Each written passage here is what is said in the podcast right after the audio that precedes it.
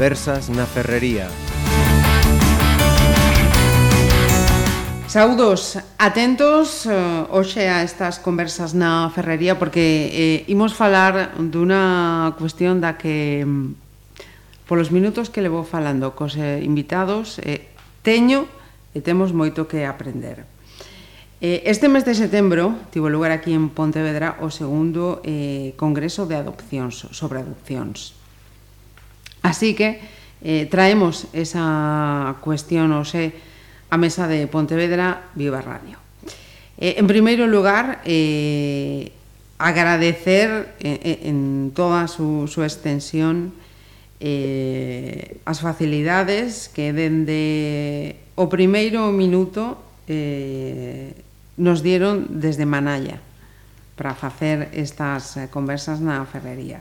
Así que con permiso del resto de, de invitados, Antón Mouriz, benvido. Hola. Moitísimas grazas por, polas facilidades eh, e polos iden de un minuto un para, para estar hoxe eh, con nós. Gracias a vos. Eh, Antón é coordinador de proxectos de Manaya. Eh, vou ler do Programa de Preparación, Apoio e Acompañamento ás Familias Adoptivas conveniado coa Xunta de Galiza. E o que me pareció eh, eh, precioso, quero que, que sea el que nos explique, Pai Adoptado. Contame, por favor. Conto.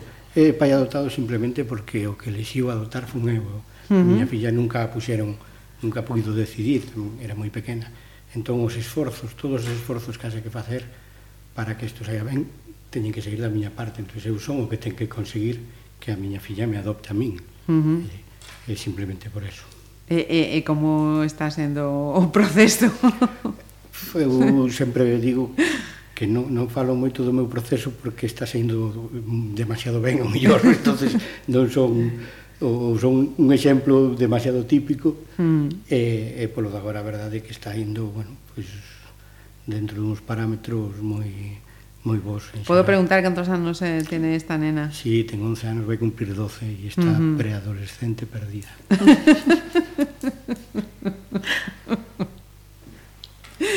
Antes eh, entrábamos un poquinho máis tarde, eh. penso, sí, ahora sí, todo se, se, se adianta un poquinho. Eh, Ángel Martínez, benvido tamén. Moitas grazas. Eh, Ángel eh, es eh, educador e gerente mm, da Fundación de Apoio á Infancia e do Benestar, FAIBEN. De FAIBEN, sí. So, además, eso de FAIBEN... Sí, hai que facelo ben. eh, e, a máis, eh, agora que están os micrófonos eh, abertos, eh, vou decir eh, que plantexaba os temas e, e fixo unha puntualización que quero que agora que están os micros abertos a volvas a facer. Eu preguntaba eh, eh, polas adopcións, os, os procesos de, de adopcións das familias. Eh, é fácil unha corrección moi importante que o acento, primeiro de todo, claro, nenos. Eh, adopción, Contame, por favor. Sí, penso que calquera persoa que coñezca eh, a los niños la adopción es un derecho de los niños. Los niños sí que tienen derecho a ser adoptados, derecho y necesidad. Los padres son personas que se ofrecen para adoptar, no generan derechos, se ofrecen para adoptar. Pero los que sí tienen derechos son los niños. Y estamos cansados de ver al revés. ¿Cuánto se espera? es que la adopción es muy difícil, es que es muy... No, no, perdón. ¿Cuánto esperan los niños? No mm. podemos permitir una sociedad sana habiendo niños en espera de adopción. ¿no? Empezamos fuerte, empezamos fuerte. Magdalena, Magdalena Otero Martínez, psicóloga, Hola. especialista en adopción y yo, yo cada día veo menos, ¿eh? me, me, voy, a, voy a repetir, psicóloga, especialista en adopción y terapeuta familiar sistémica, que es una cosa que te quería preguntar. ¿Qué, qué es esto? Terapeuta familiar sistémica. Bueno, é unha das corrientes. O sea, os terapeutas familiares somos, somos sistémicos. O sistémico, uh -huh. terapeuta familiar, é un pouco o mesmo. Uh -huh. Vale, é un pouco o paradigma dende, dende o que traballamos. Ecodirectora de Paradoxo, que é? Paradoxo é un centro de psicología onde a miña compañera uh -huh. e eu pues, levamos xa 10 anos traballando e creo que sete colabor oito colaborando con Manaya. Con Manaya. Uh -huh. Si, sí, fundamos máis ou menos a, a par, casi a par, nacemos uh -huh. xuntos casi. Ajá. E eh, nos queda a queda Ruibal, benvida tamén, eh, Naya adoptiva, o Naya adoptada tamén. Naya adoptada, efectivamente. Eh, mestra de Educación Infantil. Sí, correcto. Y también eh, membro de Manaya eh, e Cora, tamén a mesma pregunta. Explícanos, Cora. Eh, Cora é a coordinadora de asociacións en defensa da adopción e acollamento a nivel estatal uh -huh. e, bueno, eh, realmente o que son é membro da Comisión de Educación de Cora. Uh -huh. En Cora hai diferentes comisións de traballo creadas e unha delas é a Comisión de Educación uh -huh. e, bueno, pois formo parte desa Comisión de Educación como representante de Manalla. Uh -huh. eh, xa nesta, nesta presentación estamos eh, hablando de, de Manalla, de Faibén de, Cora de unha codirectora de, Paradoso que, te, que traballa con estos colectivos Eh, a nivel organizativo, eh, tanto administrativa como en el, en ámbito privado, eh, hay, digamos, que, que, que, un tejido bien, bien urdido para tratar o abordar o tratar de, de, de, de saber, de estar al tanto, de, de buscar la, las soluciones a los, a los, problemas que se pueden eh, plantear a las situaciones de, del día a día. Pois cada vez hai máis, sí, pero uh -huh. bueno, é un traballo dende maneira é un, un dos traballos que levamos facendo dende fai moito tempo é eh, precisamente poñer en contacto a profesionais eh, ter nos mesmos contacto pois, con profesional de, de todos os ámbitos eh, e actores de, deste proceso adoptivo, porque indudablemente, parafraseando a Bea San Román, entre todos pensamos mellor. Uh -huh. entón, bueno, pois é importante tamén, pois non sei, que, que nos podamos sentar en unha mesa con, con gelín e, e, e poñer en riba pois cousas que, que están pasando nos centros e, e ver como nos podemos tamén traballar ou non, ou con profesionales como como Madalena e que, que nos botan unha man, que sempre cando lles plantexamos temas incluso temas novos, porque é certo que moitas veces as asociacións de familias vamos moi por diante de, de, de outros actores da, da adopción e uh -huh. que e, bueno, a resposta xeralmente é moi boa. Pero, uh -huh. bueno, nunca é o suficiente. Uh -huh. y, y, y congresos como este que se ha celebrado en, eh, en Pontevedra, eh, ¿qué, ¿qué supone para cada una de, de de las partes, para los padres adoptados, eh, para la parte administrativa, para los técnicos. Para as familias, bueno, pois a verdade é que sobre todo en un lugar de encontro, pero ademais eh, pois, mm, dá lugar tamén a préstase a que poidan resolver moitísimas inquedanzas. Quedan moitas cousas no tintero, non? Uh -huh. Pero sí que é certo que, que bueno, eh, é unha grande axuda e aínda que quedan moitas cousas por decir e moitas cousas que falar, pois eh, bueno, esos, esos momentos e non só cando estamos escoitando os diferentes ponentes, senón logo esos momentos entre comidas, esos momentos eh, de café, pois tamén eh, nos axudan moito e por outro lado tamén eh, nos dá certa esperanza, ¿no? Uh -huh. para axudarnos a resolver determinadas situacións. Eh, nenos susceptibles de ser eh, sí. adoptados. Mira, yo... Re... sí, Ángel, por sí, favor. Te decía que, que, un congreso como el que, el que mañana organizó eh, es grave que no se haya organizado antes y que tenga que ser la iniciativa social y no privada, sino la iniciativa social, digo por no confundir lo privado con lo social, uh -huh. ¿vale? La iniciativa social quien lo hace, aunque cuentemos con la ayuda de la administración y tal, pero uh -huh. siempre la iniciativa social va por delante en el tema de los niños, siempre por delante, para, para desgracia, porque esto es verdad que se avanzó mucho. Cualquiera que, que trabaje menores sabe que de, de, hace 20 años acá pues no hay color, pero es que claro, se avanzó muchísimo en la sociedad y la, y la diferencia mm, es cada vez más, más amplia. O sea, no vamos avanzando al mismo ritmo, no vamos uh -huh. avanzando al mismo ritmo y necesitamos mucho más avance.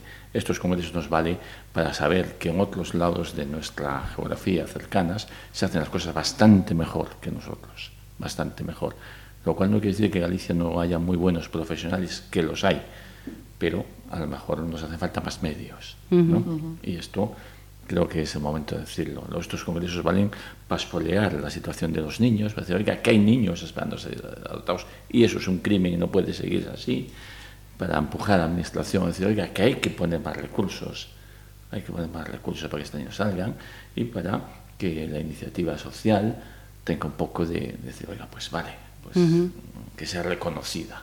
¿no? O sea que, eh, primeira conclusión ou primeira llamada de atención eh, faltan medios en Galicia sí. Sí. e dende a administración eh, eu como profesional no? quero decir, nos temos que agradecerlle moitísima a Manalla no? moitas cousas porque foron as persoas que nos axudaron un pouco a entrar no mundo, a coñecer outros profesionais, a ver que cousas estaban facendo en outras comunidades autónomas, no?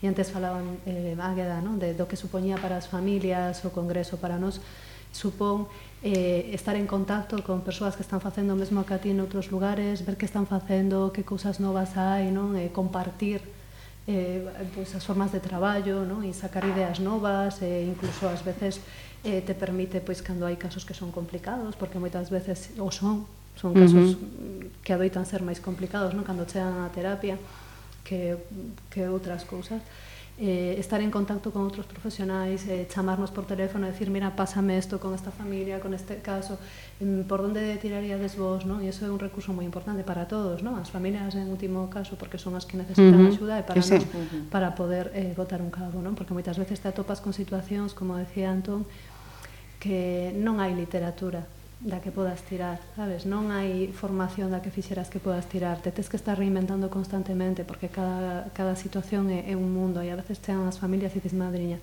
pensei que xa o vira todo e isto non o vin e non sei por onde uh -huh. tirar, nin coñezo a ninguén que vira algo así, non? Entonces require estar constantemente eh, xenerando ideas novas e eh, vendo fórmulas novas para intentar axudalos. Uh -huh. Eu teño que dicir tamén, eh, dende Cora estamos en contacto creo que ahora somos 25 asociacións de toda España, uh -huh. e é certo, en Galicia faltan moitos recursos, pero tampouco é o único sitio, é dicir, en menores uh -huh. faltan moitos recursos en todos lados. Uh -huh. É dicir, eh, quizáis o País Vasco é, é o único que, que de verdade está apostando e, e bueno, pues, cifras de, de incremento de orzamentos para isto solamente se dan ali, uh -huh. ¿no? aquí e en casi todas as demais comunidades se van recortando. ¿Qué se está haciendo entonces en el, en el País Vasco que no se esté haciendo en otras comunidades como esta? Pois, por exemplo, o ano pasado nun, nun congreso en Madrid de acollimento o responsable deste tema da Deputación Foral de mm, Guipúzcoa comentaba que eh, en ese ano se aumentara un 20% o orzamento do grupo e que eh, o número de casos por profesional eran se non recordo mal, 14. En outros sitios estamos en ratios de 50. Si, 50 casos por profesional, indudablemente. Uh -huh. Son formas de traballar xa distintas, uh -huh. non se pode traballar igual. Punto número uno.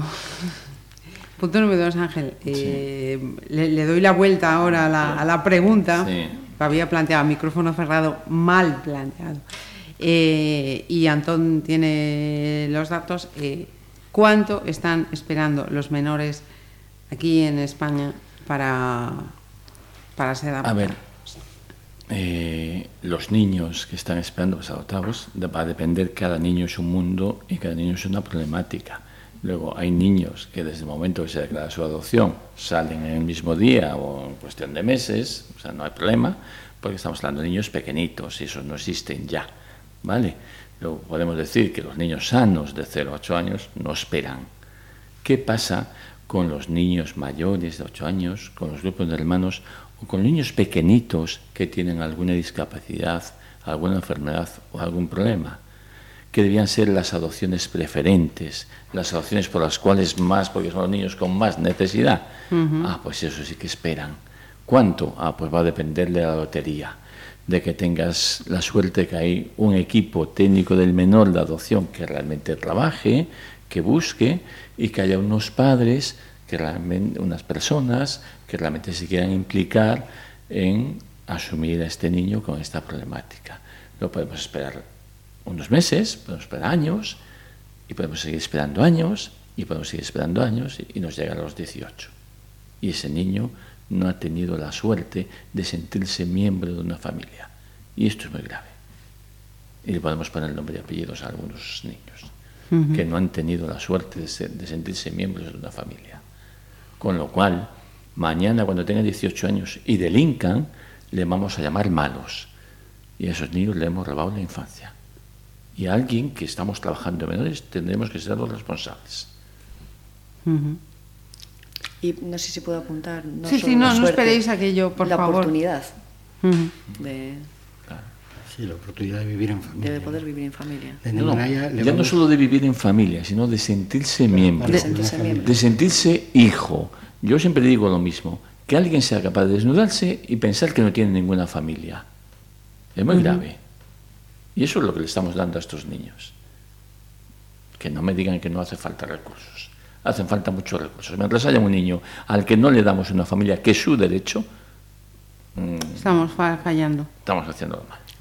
Precisamente unha das cousas que máis se está traballando agora en todas as a nivel en todas, perdón, en todas as asociacións a nivel nacional é o de intentar ou, ou, ou traballar ou poñer todo o esforzo en que as familias cambien o seu, as súas eh, ofrecementos adoptivos, no? que, que se preparen, que se formen e que entendan pois eso que para un menor ahora mesmo en Galicia hai unha espera de sete anos, sete anos e uns meses para un bebé en lista, o que se chama lista única, son, son bebés de renuncia e hai un montón de familias esperando, é dicir, non precisamos máis familias aí, xa temos cumplido ese cupo, non? Precisamos eh, familias preparadas para o que contaba Gelín, non? Para uh -huh. outros nenos, e eh, a familias as que hai que ofrecer unha información, unha formación moito máis eh, potente no? da que se dé para que tamén cando, cando cheguen a facer ese ofrecemento cheguen sabendo cales son as consecuencias no? porque hai pues non sei, no, no caso de algún país internacional se está derivando as familias a listas de nenos con necesidades especiais, tal, tal como nominan, e son familias que non están preparadas e ás veces pois, son cousiñas que se poden solventar bueno, facilmente uh -huh. que médicamente son bueno, pois, operables, vamos a poñer, por exemplo entonces non dan moito tal pero en outros casos non, e esas familias non, non están preparadas non? estamos traballando ahora nun grupo de TEAF de trastorno do espectro de alcoholismo fetal donde a maioría das familias non sabían que esos nenos tiñan este, este podían padecer este trastorno non? entón claro, é un doble golpe é o golpe de, de, de sentirse pois mal porque non son que no mellor de enfrentarse a eso, de sentirse mal porque se sinten tamén engañados polos actores que actuaron na súa adopción uh -huh. e, eh, eh e despois está a parte de aceptar no? de aceptar que ese neno pois, ten mellor pois, unhas limitacións que poden chegar a moitísimas cousas eh? Pasa que hai, o primeiro quizá é eso, hai que aceptar esas limitacións para traballar en que sexan mm, o, o, as menos posibles e poidan alcanzar pois o máximo do seu potencial, no? Pero o, o traballo con cas familias para que entendan, para que vexan que os nenos adoptables que hai nestes intres, tanto nacional como internacional, non son os nenos pequenos e sanos. Uh -huh. É algo que temos que, que seguir eh, que seguir contando e que seguir traballando para que as familias cambiemos os nosos ofrecementos e adaptemos o noso perfil ao perfil do neno, non uh -huh. ao revés, non? Sí, esto, esto no es eh, un restaurante quiero comer a la carta. No, no, indudablemente. No, mucho no. menos. Nunca. Luego, que parece que, que es lo que, ¿no? Quiero no, un niño de tal, tal, tal. Eu engadiría unha cousa e que é necesario, por suposto, isto, pero non é suficiente. E é necesario que a xente cambie un pouco a idea de que é adopción porque eu uh -huh. creo que teñen unha idea moi errónea do que é realidade. E logo o que sí que me atopo é que as persoas que se eh, aventuran no, a, a coller este eh, a, a ser se ofrecen para ser eh, pais adoptados con nenos destas características moitas veces se sinten moi desprotegidos vale, hai moi pouca información eh, se sinten moi sós e dan tumbos de profesional en profesional buscando alguén que os apoie, que os axude, porque ás veces, claro, é moi complexo e ás veces pois cousas tan simples como o SAF, pois eh, xenera moita incertidume e non saber que se estás facendo ben as cousas, se non estás facendo mal, quen, quen os diagnostica, que necesitan un diagnóstico ou se non o teñen, quen di eso, eh, outros trastornos do desenvolvemento ou de outros tipos no? que, que poden acontecer e outro tipo de, de dificultades que adoitan ter estes nenos, non? O sea, cousas a mellor mínimas como pode ser unha dificultade na adquisición de, da linguaxe ou que sea, que despois ás veces incluso con traballo melloran e, e quedame pero sí que as, se sinten moi desorientados e un pouco perdidos e sí que é certo uh -huh. que a labor da, das asociacións como Manaya eh, son as que realmente están cubrindo esa necesidade cando debería haber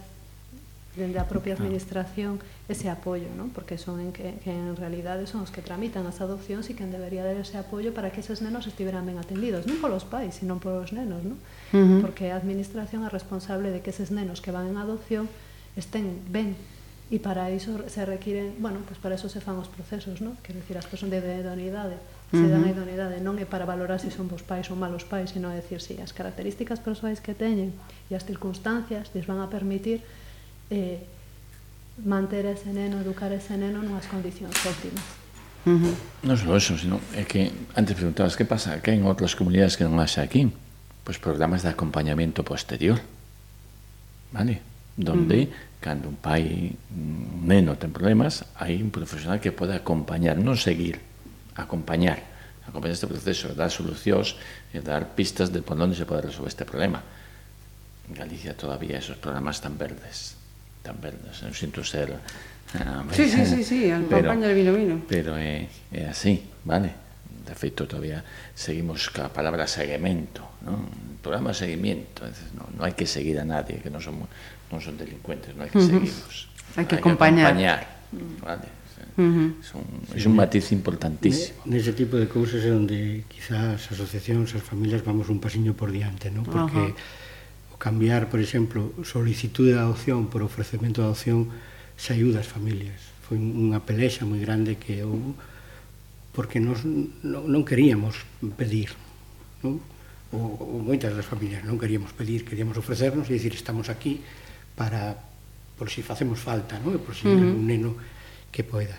É certo tamén que hai que decir que agora mesmo pois, este programa que non me haches con conveniado que a Xunta está axudando a Manalla a chegar a sete grandes cidades de Galicia, onde estamos unha vez ao mes, eh, dando non, non apoio profesional, porque non, non somos quen de, de facelo, no? pero sí acompañando, facendo un acompañamento familiar e tentando organizar pois, eh, actividades, eh, pequenos obradoiros, donde as familias poidan vir e poidan pois, falar do, do que lles preocupa e podamos compartir e podamos, pois, non sei, tocar temas que, que nos interesan. Agora mesmo o, o boom da adopción está chegando a adolescencia, non? os nenos que chegaron co boom da adopción do 2006, é, é un tema que está, bueno, pois na, na, nas familias moi candente, eh, todo o mundo está buscando información, buscando formación, intentando aprender. Eh, eh, bueno, hai que decir que, por lo menos, este pequeno apoio sí que existe de parte da administración, uh -huh. neste caso utilizando a, a manaya, non? pero eh, é certo que hai que bueno, cambiar a, a, os, claramente os, os, non nos gusta que nos sigan, nos gusta uh -huh, que nos acompañen. Que nos acompañen. Eh, precisamente había unha ponencia sobre ese tema en, no Congreso, non? Uh -huh. eh, eh, bueno, sí, solicitar sempre un pouco máis de, de recursos aí, ¿no? na, na parte posadoptiva. Uh -huh. Na parte preadoptiva, bueno, está eh, máis traballada, pero a parte posadoptiva é máis é tamén moi complicada eh, de, de facer, porque tamén require que as familias nos deixemos acompañar, que é outro tema. No? Uh -huh. non é somente que te acompañen, sino que ti queiras que te acompañen. Sí, sí. E iso tamén é algo uh -huh. que hai que traballar. Eh, eh, estoy viendo, eh, en el rato que llevamos charlando, eh, que... Mm, y, y ahí los medios eh, necesitamos que nos den el tirón de orejas, ¿no? porque somos eh, eh, el altavoz o, o, el, o el, el, puente que llega a, a, a la sociedad. Eh, estamos eh, olvidando la importancia que tienen muchos términos. ¿no? Cuando hablábamos eh, de, de, padres adoptantes a padres adoptados, cuando hablabas de, de acompañamiento y, y no seguimiento, eh, solicitudes de, de, de, adopción. La terminología es importante no por la terminología en sí, mm. sino por lo que conlleva, por lo que conlleva. Eh, eso por una parte. Eso es consecuencia, me, me da la impresión, del de gran desconocimiento e ignorancia que gran parte de la sociedad también tenemos, ¿no? Eh, Digo de la ignorancia en general sí. que tenemos todos respecto Ah. En xeral, sí, e, no, e nos medios, eu, xa que estamos aquí, me permites... Sí, sí, no, a cañón, eh, Antón, non te cortes. Eh, é curioso que, eh, despois da presentación do segundo congreso, os titulares uh -huh. de todos, ou case todos, os medios de comunicación que se fixeron eco desta presentación eran eh, as adopcións descenderon. É dicir, mm, se busca tamén esa parte eh, máis que eu entendo que vivimos no mundo que vivimos e ao final uh -huh. hai que buscar lectores e, e, e os equipa, os, hai presión, supoño, de, de, das empresas que están detrás dos medios para que se venda e para que se faga, entón hai como unha busca do titular, non? Fai moi pouco eh, se falaba, en un, se daba como titular nun medio tamén o próximo país para adoptar é Hungría, como se si fora en Hungría houbera mil nenos que foran sí. a salir en adopción dali. Claro, ti ves as estadísticas e dices é imposible como va a ser, é dicir, non cubre nin, nin unha ínfima parte da, da, dos procesos de adopcións abertos en Galicia. É dicir, uh -huh. eh, sí que é certo que en xeral, bueno, a nivel nacional xa é tremendo con estas adopcións de xente famosa, no? e este, este vendelo todo, que Eh, a información que, que lle chega a xente non é, non é a millor, digamos, adecuada. Non, non é demasiado aceitada, é un pouco, bueno, nesa busca, supoño que moitos outros temas, eh, non uh -huh. no adoptivo, sino que moitos outros temas tamén o que chega ao final é anécdota, uh -huh. non, non o, a, a realidade. Agueda siente. Uh -huh. Sí, sí, sí, no, que to totalmente de acordo. Uh -huh. Realmente o que se escoita moitas veces nas noticias pois pues, é aquilo que, bueno, uh que chama máis atención ou aquela pois anécdota ou aquilo que crea un pouco máis de morbo bueno, uh -huh. aquilo que crea máis audiencia non? digamos uh -huh. e Tamén. efectivamente non a realidade uh -huh. Tamén é certo que é un tema novo O sea, sendo tan antigo, no, é un tema sí. novo, porque o, boom da adopción, cando empezaron os medios a falar de adopción, é cando de repente aparece a adopción internacional. Uh vale? que onde realmente aparecen moitísimos nenos e tal, e dá unha saída a todos esos pais que están buscando opción. E iso ven dende o Convenio da Haya, de, de, aquí en Galicia desde 2002 empeza así o, o bon fuerte, vale? Uh -huh. Quer decir, logo, aunque parezca tan, pues, pasaron 15 anos, eh? Quer decir, que cambiar a sociedade del concepto de adopción que había antes que era absolutamente oscurantista, donde no se le decía al niño que era adoptado, donde tan,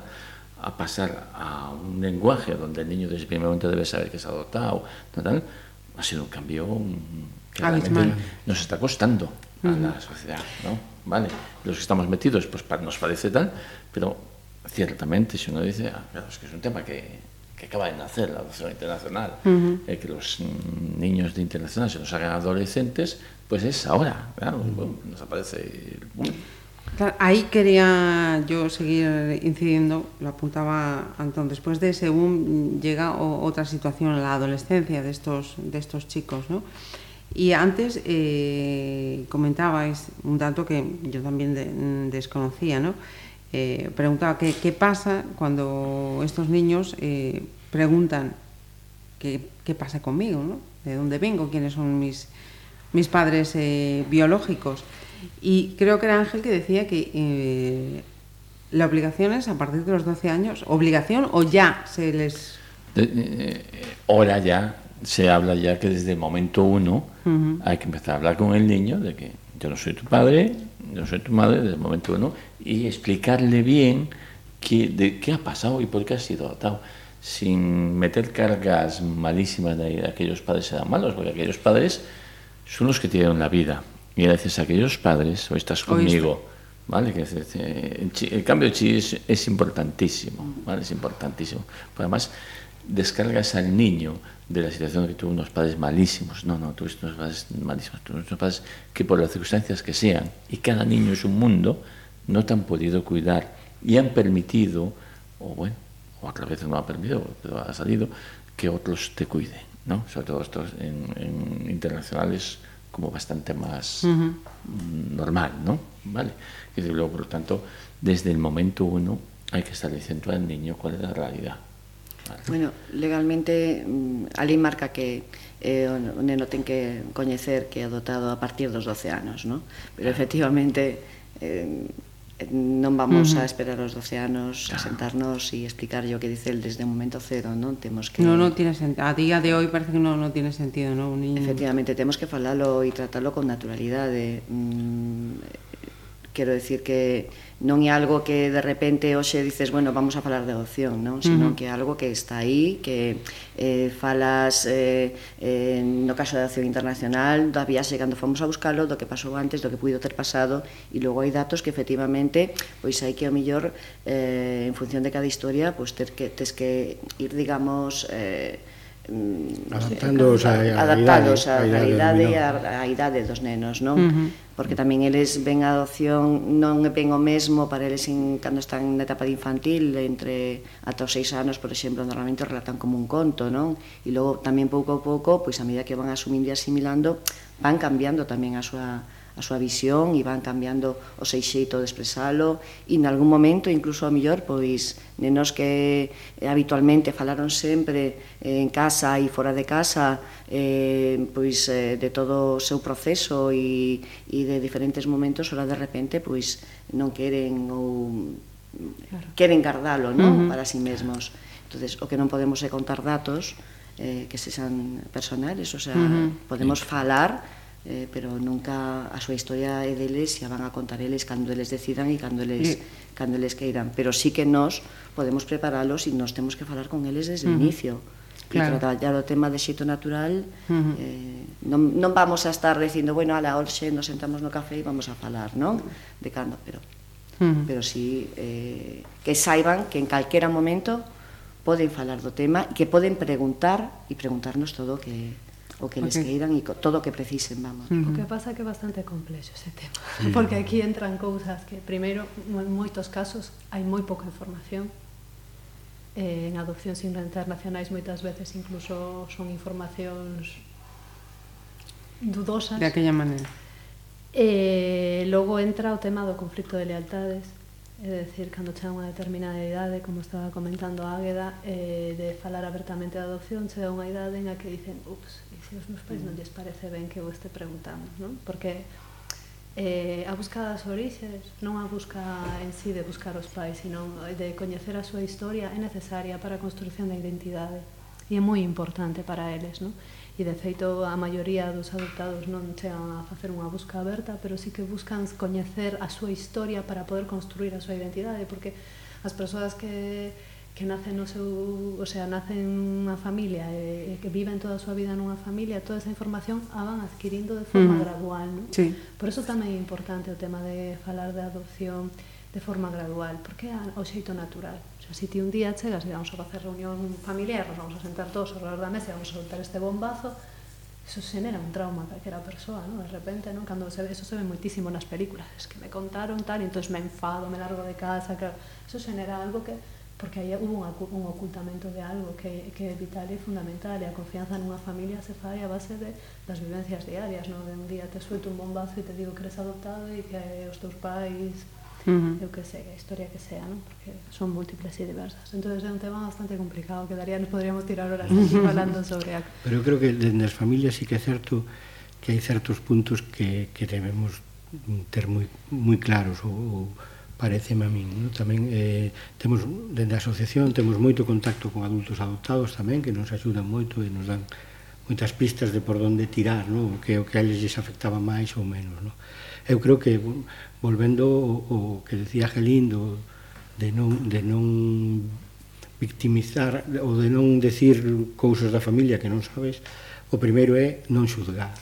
Ti non podes xudgar a familia de orixe Xeralmente, máis, o que decía tamén Madalena, porque non temos datos, non? Entón, nunca sabes, e os datos o mellor non son. Entón, non xulgar, bueno, pues, pasou isto, contar o que sabes e, e pouco máis. Despois, eh, claramente contalo desde un principio. Todos os adoptados din que eles o que queren é saber a verdade. Entonces, non contemos películas, ni contemos, uh -huh. nos inventemos historias de princesas e de... No, hai que contar a verdade. E se non sabes, hai que decir, non sei non pasa nada, uh -huh. os nenos o entenden. É dicir, ese, esa base de, de non xulgar, de respeto pola súa historia, no? este tema de contar a verdad e despois o que apuntaba a Águeda, de darlle o espazo para falar do tema. Que eu eh, levamos eh, Águeda e eu adotamos xuntos, ademais, eh, eh, levamos moito tempo con este tema, no?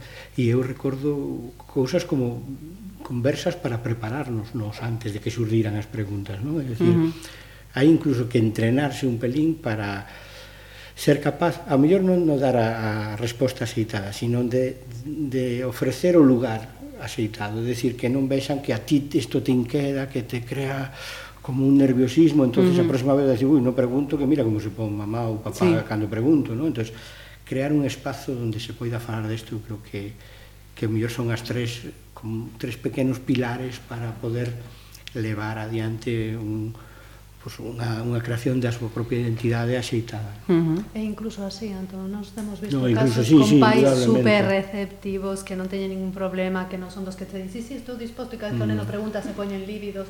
Non, non, o sea, pais que falan abertamente non teñen ningún problema, incluso así os nenos ás veces. Teñen sí, costa nos, teño tío en terapia de rapaces que lles tes que decir, mira, preguntaste unha vez a estos teus pais, nos que non me atrevo, digo, pregúntalo. ¿no? Uh -huh. y, y, y, trae sus pais a sesión y les hacen la ahí, pregunta. Entonces, ¿sabes? Fai como, vale, pensé que non podía preguntar isto porque eu se iba a mancar, porque sí que é certo que cando se vinculan ben, teñen moito medo a fallar os seus pais. Uh -huh. Porque teñen un medo que non teñen os outros nenos. Un neno non adoptado e non ten medo que os seus pais os abandonen. É algo que non pasa pola súa cabeza. Decir, Aceptación, non? A necesidade claro. de sentirse... A seguridade. Uh -huh que non ten un neno que foi adoptado, pero un neno que foi adoptado antes foi abandonado. Mm. Eso, eso deja, deja huella, eh? mm deja mucha huella. ¿no? En calquera pequena cousa. O sea, un neno fan unha falcatruada, un ten medo a que a bronca que me van a botar os meus pais. Outro mellor ten medo a... Que lle poñan a maleta na porta. Isto é moi gráfico porque uh -huh. o contan eles, sí, sí, sí. os adultos o contan estas uh -huh. cousas. Eu tiña medo a isto, non? Eh, é complicado. Hai que entender tamén que eh, volvendo ao, ao social, no? Antes falábamos da linguaxe, a linguaxe construe claramente uh -huh. e o social construe. Os nosos peques están continuamente recibindo mensaxes de agradecemento hacia nós. Que sorte tiveches que te adotaran, ai mira que ben, estás moito mellor neste país que ali, Eh, que pais máis vostés. Que pais, sí, que pais máis vos, o mellor pois non somos tan bons, non? Porque seres declarados ad, adoptables. Que gran fixeches. que sí, sí, sí, bueno, non sei, o habitual. Entón, eles, inda sin querer, van recibindo esta mensaxe, e esta mensaxe vai calando en eles hasta o punto de que, mm, falando con os adultos, o conflito este de lealtade que nomeaba Magdalena ven moito por aí, non? ven moito porque non podo facer unha busca de orixes porque vou a danar aos meus pais uh -huh. adoptivos, non? Nos, isto nos adultos adoptados se ve moito e nos sí que é certo que levamos traballando pois, tempo cos nosos nenas e nenos para que eles non teñan esa sensación. Uh -huh. non? Eu podo contar que incluso cheguei a, a, a tapar unha frase dun libro de adopción que poñía que que sorte tivo ser adoptada e, e ca miña filla, os dous, decidimos tapalo e que dereito tiña a ser adotada. Uh -huh. Entonces, eso é, creo que tamén temos que traballar nese, uh -huh. nese ámbito para que os nenos reciban unha, unha información social sobre a adopción axeitada, ¿no? que, uh -huh. que non os obligue a eles a ser dun xeito, a, a manexarse dunha forma, a ter que comportarse, sino que lles permita ser eles mesmos, ¿no? uh -huh. cas coas circunstancias e cos seus... Hablando de de la referencia que hacías a, a los niños en, en, en el cole. Eh, la diversidad familiar, lo comentábamos antes de, de comenzar oficialmente el programa. Eh, la diversidad familiar que hay hoy en día ayuda también a, a estos uh, niños, pues eso, a, a, perder ese miedo de, de, de lealtad, a sentirse más, más seguros con, con, consigo mismo, o, o no. Claro que axuda, pero a ver, o que contábamos antes era que mm, o que falta é traballo, non? E falta, pois, falando do cole, como decías agora, eh, digamos que todavía non se está traballando como se teria que traballar. Si sí, temos unha diversidade familiar nas aulas, mm, efectivamente, eh, pois moi ampla, pero logo, cando se está traballando en aula, os, os materiais que se utilizan, o sea, tú ves os libros de texto e todavía non aparece reflexada esa diversidade. Quero decir, cando aparece a familia nos libros de texto, papá, mamá, niño, niña, uh -huh. e todos blanquitos, non? Sí. Entonces, eh, eso non reflexa a diversidade da aula, ni moito menos. Eh, pois temos que revisar libros de texto, temos que revisar os contos, temos que revisar, como decía antes Gelín, as actividades, porque eh, cando, por exemplo, non sei se si pai. falábamos antes pois o Día do Pai, pois agora pois se queremos traballar ese tema temos o Día da Familia, por exemplo, non? Uh -huh. E aí podemos incluir a todas as familias. Entonces, que o que decimos sempre en Demanaya, bueno, pois sobre todo traballar cara unha educación inclusiva, E eh, un dos puntos que nós traballamos pois nas charlas, eh, fixemos algunhas charlas en coles, eh, para profesorado, e, bueno, explicamos un pouquiño pois eh, como deberíamos ou como se debería ¿no? eh, traballar este tema e como poderíamos modificar estas actividades, que outras opcións temos, pois tanto no día do pai, día da nai, pois eso sustituído pola de familia, como decía antes Antón, foto de bebé, pois foto de, de, can, de cando eras máis pequeno, eso sí podemos telo, uh -huh. ou, por exemplo, árbores señalóxicas, pois normalmente son superestandarizadas e non dan lugar a colocar Uh -huh. eh, pero xa non só aos nosos fillos e fillas adotados, sino a moitos outros nenos que temos na aula. O sea, familias monoparentais, bueno, eh, familias separadas, uh -huh. familias homosexuais, o sea, poderíamos aí ter un rango claro. e normalmente en ese tipo de actividades pois realmente non son actividades inclusivas. Uh -huh. Entonces, bueno, aí todavía temos pois moito traballo que facer, moita concienciación e xa non só o tema de diversidade, o sea, teníamos que, que abordar, non? Moitos Hai que abordar na escola o racismo. O sea, e logo, bueno, xa o racismo que, mm. que algo que todavía está eh, moi verde. Eh, hai materiais para traballar, o sea, ahora mesmo hai diferentes guías didácticas, eh, que se poden pois eso, incluso consultar online eh, na páxina de Core, hai un apartado de opción e escuela, aí se poden, hai diferentes guías de, de varias comunidades, e, bueno, eh, nelas pois abordan todos estes temas, hai recursos pero hai que hai que utilizalos e uh -huh. sobre todo eso. Revisión tamén, por exemplo, dos murais que se poñen das entradas dos coles. Bueno, moitísimas cousas. Temos moito uh -huh. traballo aí nese campo todavía por facer. Ve, veo que colectivos como Manaya tenían que, que, que existir sí o sí. Vamos, sois los que vais abriendo pico y pala el, el trabajo en muchas de las, de las cuestiones, si, si no casi todas de las que estamos las que estamos tocando. Eh, perdona, porque eh, hablabas de la redefinición incluso de, de, de familia. El término familia, claro, creo que está totalmente obsoleto hoy en día. Quiero decir, ti llegas a las aulas o llegas a realidades y las familias son tan diversas. Uh -huh. Claro, sí, ¿no? no, no, esos no, componentes, yo... esos membros son tan dispares, ¿no? Quiero decir, hai moita xente cantas veces escoita agora eh, bueno, teño un pai e unha nai, pero para min esos non son a miña familia. A miña familia é a miña abuela, un primo de non sei que, que son os que viven xuntos. Uh -huh. Cal é o concepto de familia? Claro, o concepto de familia, efectivamente. Que é un pouco máis que a idea, eh, a idea de eh, sentirse protegido, non? Son esas persoas que, que te queren incondicionalmente e que van a estar aí, sexas como sexas, fagas o que fagas, non? Uh -huh. Que un pouco vai un pouco por aí. Eu, incluso, indo un pouco máis alá, ainda diría, quen ten que definir a familia? porque todas as definicións que estamos utilizando son nosas, ninguén lle preguntou aos nenos quen é teu pai, quen é tua nai, non? É dicir, eh, eu son pai da miña filla porque ela decide que son o seu pai, senón sería a persoa que o coida ou a persoa que lle ofrece pois esas que lle cumple uh -huh. esas necesidades básicas, pero ela pode perfectamente o día de mañá decidir que eu non son un pai porque pois porque ela considera que o seu pai é, é a persoa que que a, que a concebiu, non? Por que, non, por que eles non, e a nós nos costa tanto entender isto? Decir, é un dereito deles. Eh, uh -huh. A adopción, sobre todo, porque eles nos collen.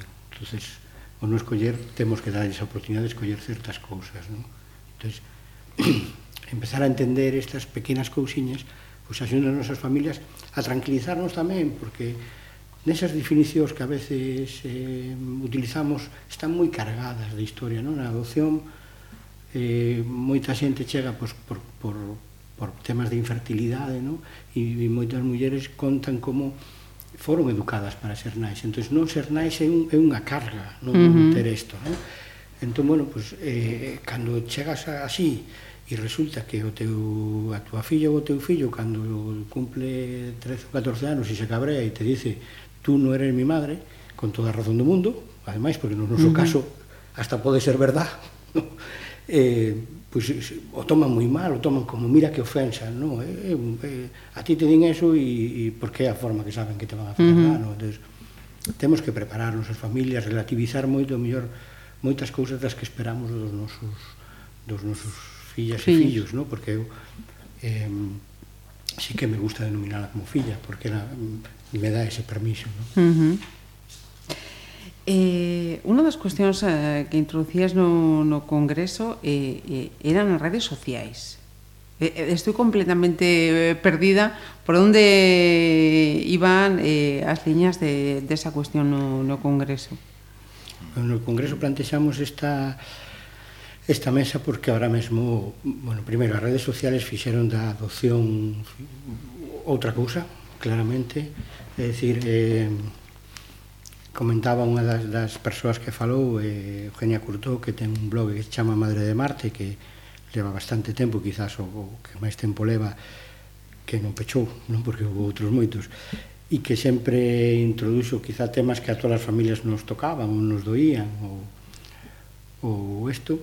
Eh, eh, ela decía que ao principio cando empezou a, a recoller información a xente lle decía, a persoa que lle daba esa información as ECAIs, os administracións non, no, internet, a internet non vayas porque hai todo o que hai é mentira, non? Eh, en internet hai moita máis verdad que, que mentira. Uh -huh. E as familias atopámonos con moitísima información real, coa ca posibilidade de contactar con persoas que estaban no teu mesmo proceso, que foran un paso por diante, que te contaban, que te decían, foi un cambio brutal. Entón, mm, creáronse moitísimos foros, moitísimos espazos onde as familias pois compartíamos ou, ou aprendíamos uh -huh sacábamos temas que en, en outros países con moita máis traducción da adopción xa xurdían e pois, viñan artigos en inglés, había xente que os traducía, que os subía, decir, foron un cambio uh -huh. total. Unha ferramenta da Sí, además, además acompañando, porque uh -huh. eh, o seu nacemento coincide un pouco co que decía antes eh, Gelindo o tema de que é común da adopción tamén, uh -huh. ¿no? entón vai como acompañando. Entón, a nosa idea en isto, primeiro era eh, que estas persoas nos contaran que significaba para eles escribir en estes blogs, que, que buscaban, o mellor, escribindo, non? E, e despois outro tema que, que, que tampouco abordamos demasiado e que creo que queda pendente para o terceiro, que esperemos que se dé, uh -huh. eh, é o tema que eu fixe unha pequena introdución de como as redes sociais están convertindo en abertas moitísimas adopcións pechadas, como o contacto cas familias de orixe eh, está aí, porque están nas redes porque hai páxinas de familias etíopes buscando os, os nenos que deron en adopcións. Hai, bueno, os, os, as cantidades de casos uh -huh. de mamás que siguen as mamás ou papás de ah. eh, das familias de orixe dos seus fillos é tremenda. É dicir, a cantidad de nenos que están localizando e que saben e que xente sin que moitas veces as familias o sepamos tampouco. Entón, é un uh -huh. lugar no que eu creo que hai que mm, plantexar que temos que acompañar os nosos fillos tamén aí, non? Eu podo contar a este nivel que a Manaya chegou unha mensaxe por Facebook dunha rapaza americana bueno, americana que vive, etíope que vive ahora mesmo en Estados Unidos, que leva, levaba máis de 4 anos buscando dous irmáns que foran dados en adopción, solamente tiña como dato que, que cai, con que cai se tramitara, os nomes e as idades, e tardamos un mes en, en atopalos. Uh -huh. É dicir, unha simple busca con esos nomes en, en Google deu resultados. Entón, isto, igual que o fixo esta rapaz, o pode facer calqueira, e o pode facer incluso os nosos fillos sin que nos o sepamos. Non? Claro. Ah. Entón, tamén nos temos que preparar para eso, para que as adopcións, por esta, esta ferramenta que temos, son moito máis abertas dos que eran. Uh -huh. Toda a información sobre adopción, irregularidades, eh, temas que non se fixeron ben en algún momento están en internet. Cando nosos fillos tecleen adopción en San Google, está aí. Vas uh -huh. a ter que falar dese tema, porque senón mm, vai haber, vai haber problemas. Uh -huh. Cando, cando eh, bueno, este ano, o, o, perdón, o ano pasado, expliquei a miña filla a política do, do fillo único en China, para darlle un pouco perspectiva de, de por que ela estaba aquí realmente, porque... Uh -huh é como, oye, que en China hai moitos chinos, por que eu estou aquí? Uh -huh.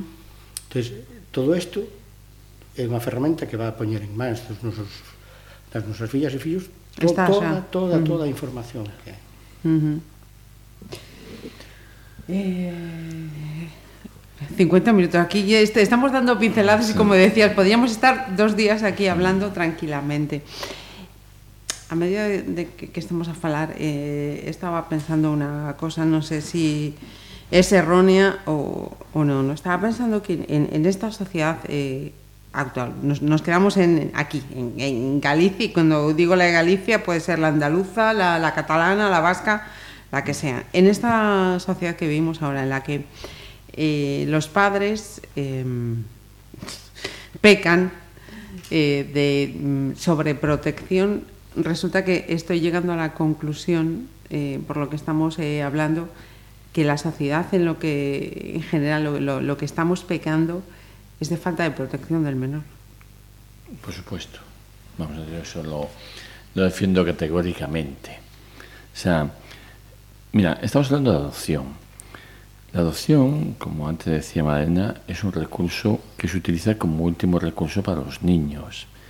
Los niños se van a adopción no representan ni el 1% de los niños que están en centros de menores. ¿Cuándo se habla del otro 99? Esa es la, la infancia invisible. ¿Me explico? La infancia invisible. O sea, hay 1.200 niños acogidos en centros residenciales en Galicia Evidentemente no todos son de adopción, pueden ser de adopción mm, pues 60, ¿vale? Y los otros 1140, ¿qué estamos haciendo con ellos? Estamos poniendo recursos para que realmente se vayan pronto para su casa y se resuelva su situación de forma estable y segura. Estamos haciendo cosas, sabemos qué está pasando, qué está pasando con los niños que hoy cumplen 18 años y no se han podido ir a sus casas. ¿Qué pasa después? O sea, se te abre un mundo de interrogantes que evidentemente tengo que decir sí, faltan recursos, faltan recursos, muchos. Evidentemente estamos en una situación muchísimo mejor que hace cinco años, ¿verdad? ¿Vale? Pero la sociedad en general está mucho mejor que hace cinco años. Y los pasos a los que vamos avanzando eh, en materia de, de niños y de menores y de infancia son muy despacito. No llegó al ave aquí. No llegó ni, ni, ni el talgo. No llegó el talgo todavía. Uh -huh. eh, vale. O sea, no llegó la, el ave, para aquí no llegó el talgo. Uh -huh. Vale. No, y mira, y me dejas en sí, sí, sí, sí por puntualización. Favor. ¿Sabes dónde más se gasta en los recursos de infancia? En los niños de reforma. La sociedad se protege de los niños. Se protege porque hay niños malotes, es verdad, hay niños de 15 años sí, sí, malotes, sí, sí, sí, y luego ahí sí que tenemos recursos y tal, y se protege a los niños. Yo siempre digo, protejamos a la infancia para no protegernos después de la adolescencia, ¿vale? Pero protejamos a la infancia, protejámoslos a los 5 años, a los 6 años, a los 8 años. Y luego a lo mejor no vamos a necesitar tanta reforma. ¿Vale? Nada, yo estaba reflexionando sobre todo esto, é algo que, que teño no, na miña experiencia personal é que a xente cree, quere proteger os seus fillos de eh, da morte, entonces non lle falan dos mortos, eh, no, eh, os meten nunha burbulla, uh -huh. no? e entonces os nenos pasan desa burbulla de cristal eh, ao botellón, no? Sí. E, e hai un salto brutal, no? e entón de repente temos rapaces que non están educados na responsabilidade, non teñen autonomía, non son autónomos, non teñen criterio, porque sempre están debaixo da ala dos uh -huh. pais. E claro, logo pretendemos que por arte de... Virle, virlo, que... Eh, de repente, Marita Másica teñe un adolescente responsable, eh, consecuente, que sabe pensar, cando nunca lle dices opción nin a pensar, nin a tomar decisións, nin a facer nada. As persoas, os nenos hai que educalos dende o minuto cero, teñen que ir tomando eh, decisións e teñen que ir equivocándose, teñen que ir eh, tendo responsabilidades, que son o que vai a convertir en adultos responsables, primeiro adolescentes e non adultos responsables, que ademais teñen capacidade de, de manexarse no mundo no que están, ¿no? porque senón despois hai unha descompensación brutal uh -huh. a moitos niveis e te atopas adolescentes que non sei, a mí me chama a atención, pero no instituto onde traballo chegan, te mandan a un de 20 anos, eh? non te estou falando un rapaz de 16 e, e eu cando se sentan porque tuvo un Cristo en el aula impresionante no? e lle, unha das cousas que primeiro lle pregunto lle digo que faz na casa? É a primeira pregunta que lle digo entonces te dice, que voy a hacer? Digo, non sei, faz a cama, sacas o can non sei, que tipo de responsabilidades te? e te dice, nada que voy a hacer? nada e digo, xa sei que era o problema que tes sí. no, no, no, te da adopción na que somos unha asociación de, de familias que están en proceso ou adoptaron, sempre, Manaya sempre presume de, o di que, que, que é unha asociación de familias que traballa para os nenos. No? E ademais, gustaríanos incluso traballar para que non existira adopción. É dicir, uh -huh lo que decía Ángel. Volvendo ao que decía Ángel, os primeiros recursos hai que gastalos para que os nenos non teñan que sair. Por desgracia, en este país agora mesmo están saindo nenos non sei sin adopción, pero polo menos si sí a protección por un tema económico, non? porque uh -huh. simplemente porque sus pais non poden encher as neveiras porque non teñen tal.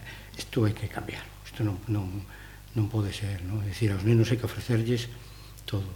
E cando xa non hai ninguna solución está a adopción. E cando chega a adopción, desde o noso punto de vista, tamén se lles debe ofrecer o máximo porque temos unha responsabilidade con eses nenos.